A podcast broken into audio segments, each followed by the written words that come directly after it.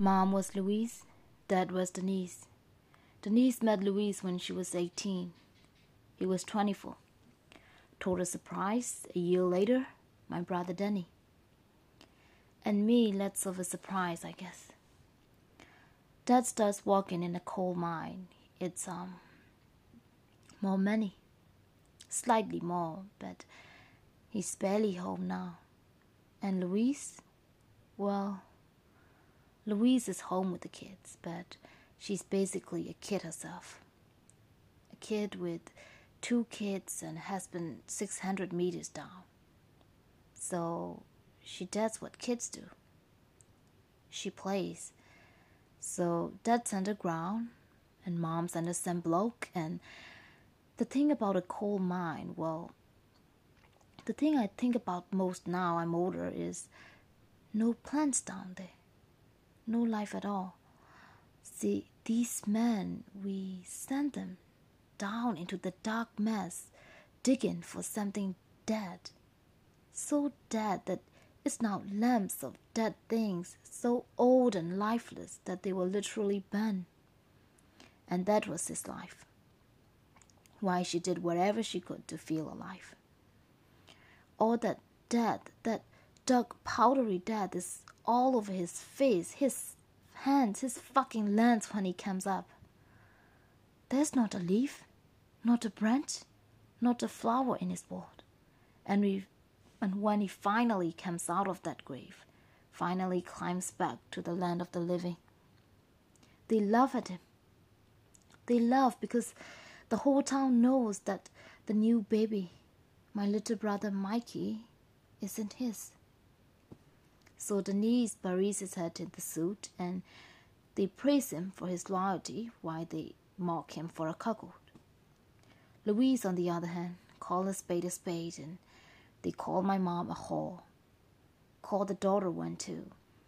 Bully her at school, on the street, even makes his way home. Little Danny pies on, tries to save his own skin by blaming all the females in the family and at 67, Louise bolts. She splits, and I come home from school to find Mikey alone, screaming his little head off. He's still a baby, and he doesn't understand what he's done wrong. I try and take care of him, but I'm just a kid. Kids can raise kids. I forget things like watching over a pot when it boils. So one day there's an accident. Social services gets involved and we split up. Dad did his best. He spent so long underground, didn't know what to do with the kid, let alone three kids. So he disappeared into the dark. Then it was foster care. Just a bunch of still perverted men with bitter wives hoping to make a few quid by taking care of the local trash. I left for London pretty soon after that. Got myself into all sorts of trouble, wound up in a couple of years. And it's there I start gardening. Busy work for idle hands, but I fucking love it. Love it. And it's so clear then how people unwanted plants, plants, you pour your love and your effort and your nourishment into them, and you see where it goes. You watch them grow, and it all makes sense.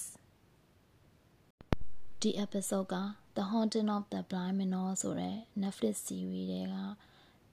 gardener ပေါ့ဥယျာဉ်ဘူးလုပ်တဲ့ဂျေမီကသူ့ရဲ့နီးဆက်စားပြုတ်နေတဲ့အမျိုးသမီး ဒန်နီကိုသူ့အကြောင်းသူပြောပြနေတဲ့အပိုင်းဖြစ်တယ်ပေါ့နော်ဒီဂျေမီကဥယျာဉ်မှုဥယျာဉ်မှုဖြစ်တယ်အခုသူ့အကြောင်းသူပြောပြထားတယ်ပေါ့နော်အဲ့ဒီပြောပြထားတာကိုအကျဉ်းချုပ်ပြန်ပြောရမယ်ဆိုလို့ရှိရင်သူ့အမေနဲ့အဖေကသူ့အမေအသက်16နှစ်လောက်မှာတွေ့တယ်တနေ့လောက်ကြာတော့သူ့အကိုမွေးတယ်နောက်တနေ့လောက်ကြာတော့သူ့ကိုမွေးတယ်မွေးပြီးတော့ကြာတော့သူ့ဖေကပတ်စံပိုးရှာဖို့အတွက်ဆိုပြီးတော့ဟိုတောင်မီသွေးတွင်းမှာအလုပ်သွားလုပ်ရတယ် ကြောင်မီသွေးသွင်းမှာလို့တော့လုပ်ရတဲ့အချိန်မှာအာသူ့အမေကအိမ်မှာကလေးနှစ်ယောက်နဲ့ပဲကြံခဲ့တယ်သူသူ့အမေကိုယ်တိုင်ကလည်းကလေးတသားပဲအသက်18လောက်နဲ့အသက်18 19လောက်နဲ့ကလေးရထားတာကိုကလေးတသားပဲဆိုတော့တခြားယောက်ျားတွေနဲ့အိတ်တယ်ပေါ့နော်တခြားယောက်ျားတွေနဲ့အိတ်တယ်ဒါပေမဲ့သူ့အဖေကတော့အဲကြောင်မီသွေးသွင်းထဲမှာအလုံးလုံးနေရတယ်ပေါ့ခုဒီဂျေမီကသူ့အကြောင်းသူပြန်ပြောပြတဲ့အခါမှာလေသူ့အဖေ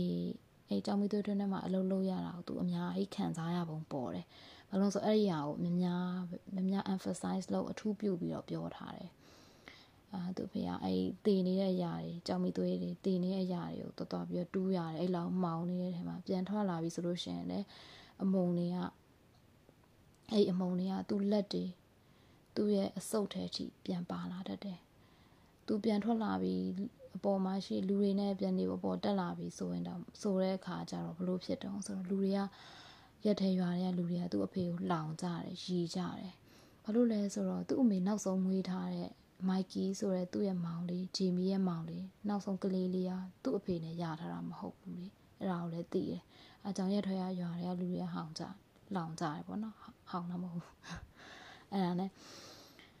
သူ သူ့အမေအဲ့လိုမျိုးသူ့အမေကိုရက်ထဲရတဲ့လူတွေကမကောင်းတဲ့မိန်းမပေါ့နော်အဟောအဲ့လိုမျိုးခေါ်ကြတယ်နောက်ဂျီမီကိုပါအဲ့လိုခေါ်ခံရတယ်သူကလည်းမိန်းကလေးကိုအဲ့လိုခေါ်တယ်နောက်ပြီးတော့သူ့အကိုကလည်းဟိုဒီရက်ရွာရဒီလိုတွေပြောတော့သူ့အမေနဲ့သူ့ညီမလေးကိုပိုမုန်းတယ်ပိုပြီးတော့အနိုင်ကျင့်တယ်အဲ့လိုမျိုးတွေဖြစ်တယ်ပေါ့နော်အဲ့နဲ့အဲတချိန်ကျတော့1969မှာတင်တယ်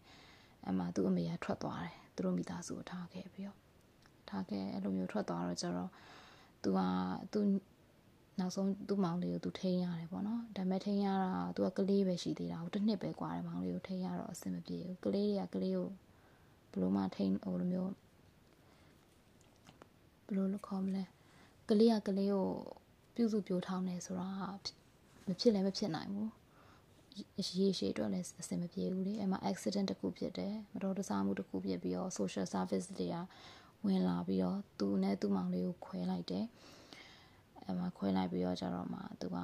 London social service foster care ပေါ့နော်အစိုးရလုပ်ပြီး foster care မှာနေရနေပြီးတော့နောက်ကျသူလန်ဒန်သွားတယ်လန်ဒန်သွားပြီးနောက်ကျတော့သူဥယျာဉ်မှုလုပ်တယ်စပြီးတော့အပင်တွေပါတယ်စိုက်တယ်ရှင်တန်နေတဲ့အရာတွေစိုက်တာပေါ့ရှင်တန်နေတဲ့အရာတွေစိုက်တယ်အဲ့ဒီအချိန်မှာတဲ့သူကသူတည်သွားတာက လူတွေကအချိန်ပေးရင်ပေးရသလောက်မတန်ဘူးအပင်တွေကတော့အားစိုက်ထုံမယ်အချိန်ပေးမယ်ဆိုရင်ပေးသလောက်သူတို့ဘယ်ကိုသွားမလဲဘလို့ဖြစ်လာမလဲဆိုတာသိရယ်သူတို့ကြီးထွားလာတာတွေကိုကြည်ရတာပွင့်လာတာတွေကိုကြည်ရတာသူ့အတွက်အတိတ်ပဲပြီးပြည့်စုံတယ်တဲ့အဲ့လိုမျိုးပြောထားတယ်ပေါ့နော်အင်္ဂလိပ်လိုဖတ်ရတာတော့ပို့ပြီးတော့အတိတ်ပဲရှိပြီးတော့နားထောင်လို့ကောင်းပါတယ်။